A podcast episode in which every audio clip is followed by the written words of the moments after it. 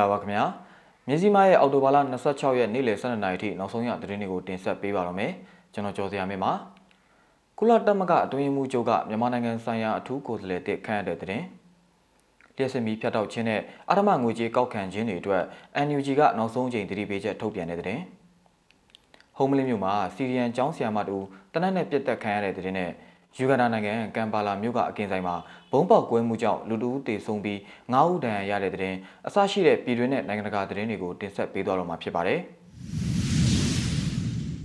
ကုလသမဂ္ဂအတွင်းမှုချုပ်ကမြန်မာနိုင်ငံဆိုင်ရာအထူးကိုယ်စားလှယ်တစ်ခန့်တဲ့တဲ့တင်နဲ့စတင်လိုက်ချင်ပါတယ်။ ကုလသမဂ္ဂအတွင်းမှုချုပ်အန်တိုနီယိုဂူတာရက်စ်ဟာမြန်မာနိုင်ငံဆိုင်ရာ၎င်းရဲ့အထူးကိုယ်စားလှယ်တစ်ဖြစ်စင်ကာပူနိုင်ငံသူ Mrs. Nolan Hazer ကိုအော်တိုဘာလ25ရက်ကခန့်အပ်လိုက်ကြောင်းကုလသမဂ္ဂကကြေညာချက်ထုတ်ပြန်လိုက်ပါတယ်။မြန်မာနိုင်ငံဆိုင်ရာအထူးကိုယ်စားလှယ်ဖြစ်၃နှစ်ကျော်တာဝန်ထမ်းဆောင်ခဲ့ပြီးယခုသတင်းပတ်ကုံမှာတာဝန်ကနေထွက်ခွာမဲ့ Mrs. Christine Sharana Bajina ရဲ့နေရာမှာကုလာအဆင့်မြင့်တန်တမန်ဟောင်းတူဖြစ်တဲ့ဒေါက်တာဟေဇာကဆက်ခံသွားမှာဖြစ်ပါတယ်။အသက်83နှစ်အရွယ်ရှိတဲ့ဒေါက်တာဟေဇာဟာ ကုလာမှာအမျိုးမျိုးသောအကြီးတန်းယာသူနေရာတွေကိုထမ်းဆောင်ထားခဲ့ပြီးအထူးသဖြင့်2009နဲ့2014ခုနှစ်အတွင်းအာရှနဲ့ပစိဖိတ်ဆိုင်ရာစီးပွားရေးနဲ့လူမှုရေးကော်မရှင်တခုရဲ့အကြီးအကဲဖြစ်တာဝန်ထမ်းဆောင်ခဲ့တာပါ။2013နဲ့2015ကြားမှာလည်းသူမဟာအရှိတီမောဆိုင်ရာကုလအတွင်းမှုချုပ်ရဲ့အထူးကြံပေးဖြစ်ဆောင်ရွက်ခဲ့ပါသေးတယ်။စီးပွားရေးနဲ့လူမှုရေးကော်မရှင်ဆိုင်ရာသူမရဲ့တာဝန်တစ်စိတ်တစ်ပိုင်းဖြစ်ဒေါက်တာဟေဇာဟာမြန်မာမှာနာဂစ်စိုက်ကလုန်းမုန်တိုင်းတိုက်ပြီးနောက်ပြန်လည်ထူထောင်ရေးအားထုတ်မှုတွေနဲ့ပတ်သက်ပြီး2008-2009ခုနှစ်အတွင်း အာဆီယံမြန်မာအစိုးရကုလအုပ်နဲ့အတူလက်တွဲလှုပ်ဆောင်ခဲ့တယ်လို့ဖွံ့ဖြိုးတိုးတက်ရေးနဲ့စီးရင်မှုလျှော့ချရေးတို့နဲ့ပတ်သက်ပြီးလဲမြန်မာအာဏာပိုင်တွေနဲ့အကြားဆွေးနွေးမှုတစ်ခုကိုဦးဆောင်ထားခဲ့မှုတူလည်းဖြစ်ပါတယ်။မြန်မာဆိုင်ရာကုလအထူးကိုယ်စားလှယ်တာဝန်ကနေထွက်ခွာတော့မဲ့ခရစ်စတင်ရှယ်ရနာကအော်တိုဘာလ25ရက်နေ့ကပြောကြားရမှာမြန်မာအာဏာသိမ်းအုပ်စုကိုနိုင်ငံရဲ့အစိုးရဖြစ်အတိမတ်ပြုပါကအကြမ်းဖက်မှုတွေကိုရပ်တန့်စေလိမ့်မည်မဟုတ်သလိုရင်းခဲ့သောလှုပ်ဆောင်ခြင်းက နိုင်ငံကိုမတိမငြိမ်ဖြစ်မှုစီတွန်းပို့သလိုဖြစ်မည်ဖြစ်ကကြာရှုံးနိုင်ငံတစ်ခုဖြစ်လာစေလိမ့်မည်ဖြစ်ကြောင်းတတိပေးခဲ့ပါတယ်။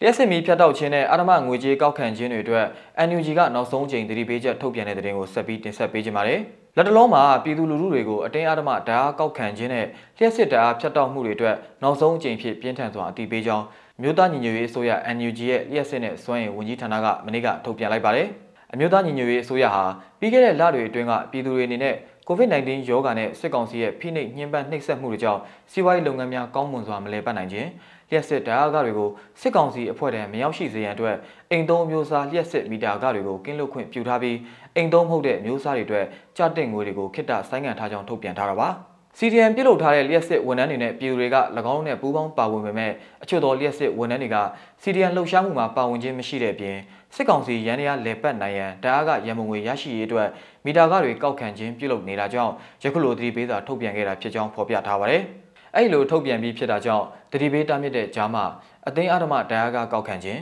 ပြည်သူလူထုအကျိုးစီးပွားထိခိုက်စေရန်ဓာတ်ဖြတ်တောက်ခြင်းစတာတွေကိုဆက်လက်လှုပ်ဆောင်မယ်ဆိုပါကညွှန်ကြားသူအစဉ်စဉ်ဆောင်ရွက်သူအစဉ်စဉ်တို့ကိုနိုင်ငံဝန်ထမ်းဥပဒေအရ၎င်းနိုင်ငံတော်ရဲ့ကျေးဇူးကိုဖောက်ဖျက်ဖုန်ကန်မှုအဖြစ်၎င်းအရေးယူခံရမည်ဖြစ်ကြောင်းနောက်ဆုံးအကြိမ်ဖြစ်လေးနက်ပြင်းထန်စွာအတည်ပြုလိုက်ကြောင်းထုတ်ပြန်ထားတာဖြစ်ပါတယ်။ယခုရက်ပိုင်းအတွင်းမှာစစ်ကောင်စီကနေရာနှံ့ပြားမှာမီတာကားတွေကောက်ခံခြင်းနဲ့လျှက်စစ်မီးတွေဖျက်တောက်ခြင်းတွေကိုဖိအားပေးပြီးလှုပ်ဆောင်လျက်ရှိနေပါတယ်။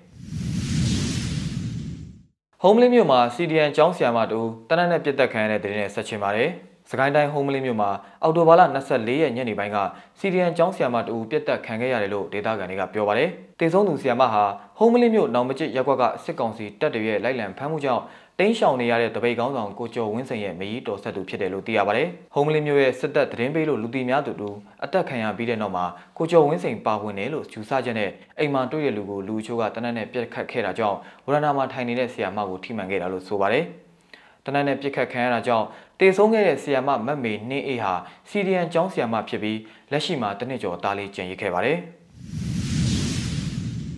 ယူဂန်ဒါနိုင်ငံကမ်ပါလာမြို့ကအကင်ဆိုင်မှာဘုံပေါက်ကွဲမှုကြောင့် လူတဦးသေဆုံးပြီး9ဦးဒဏ်ရာရတဲ့နိုင်ငံတကာသတင်းကိုလည်းဆက်ပြီးတင်ဆက်ပေးကြပါမယ်။ယူဂန်ဒါနိုင်ငံကမ်ပါလာမြို့မှာ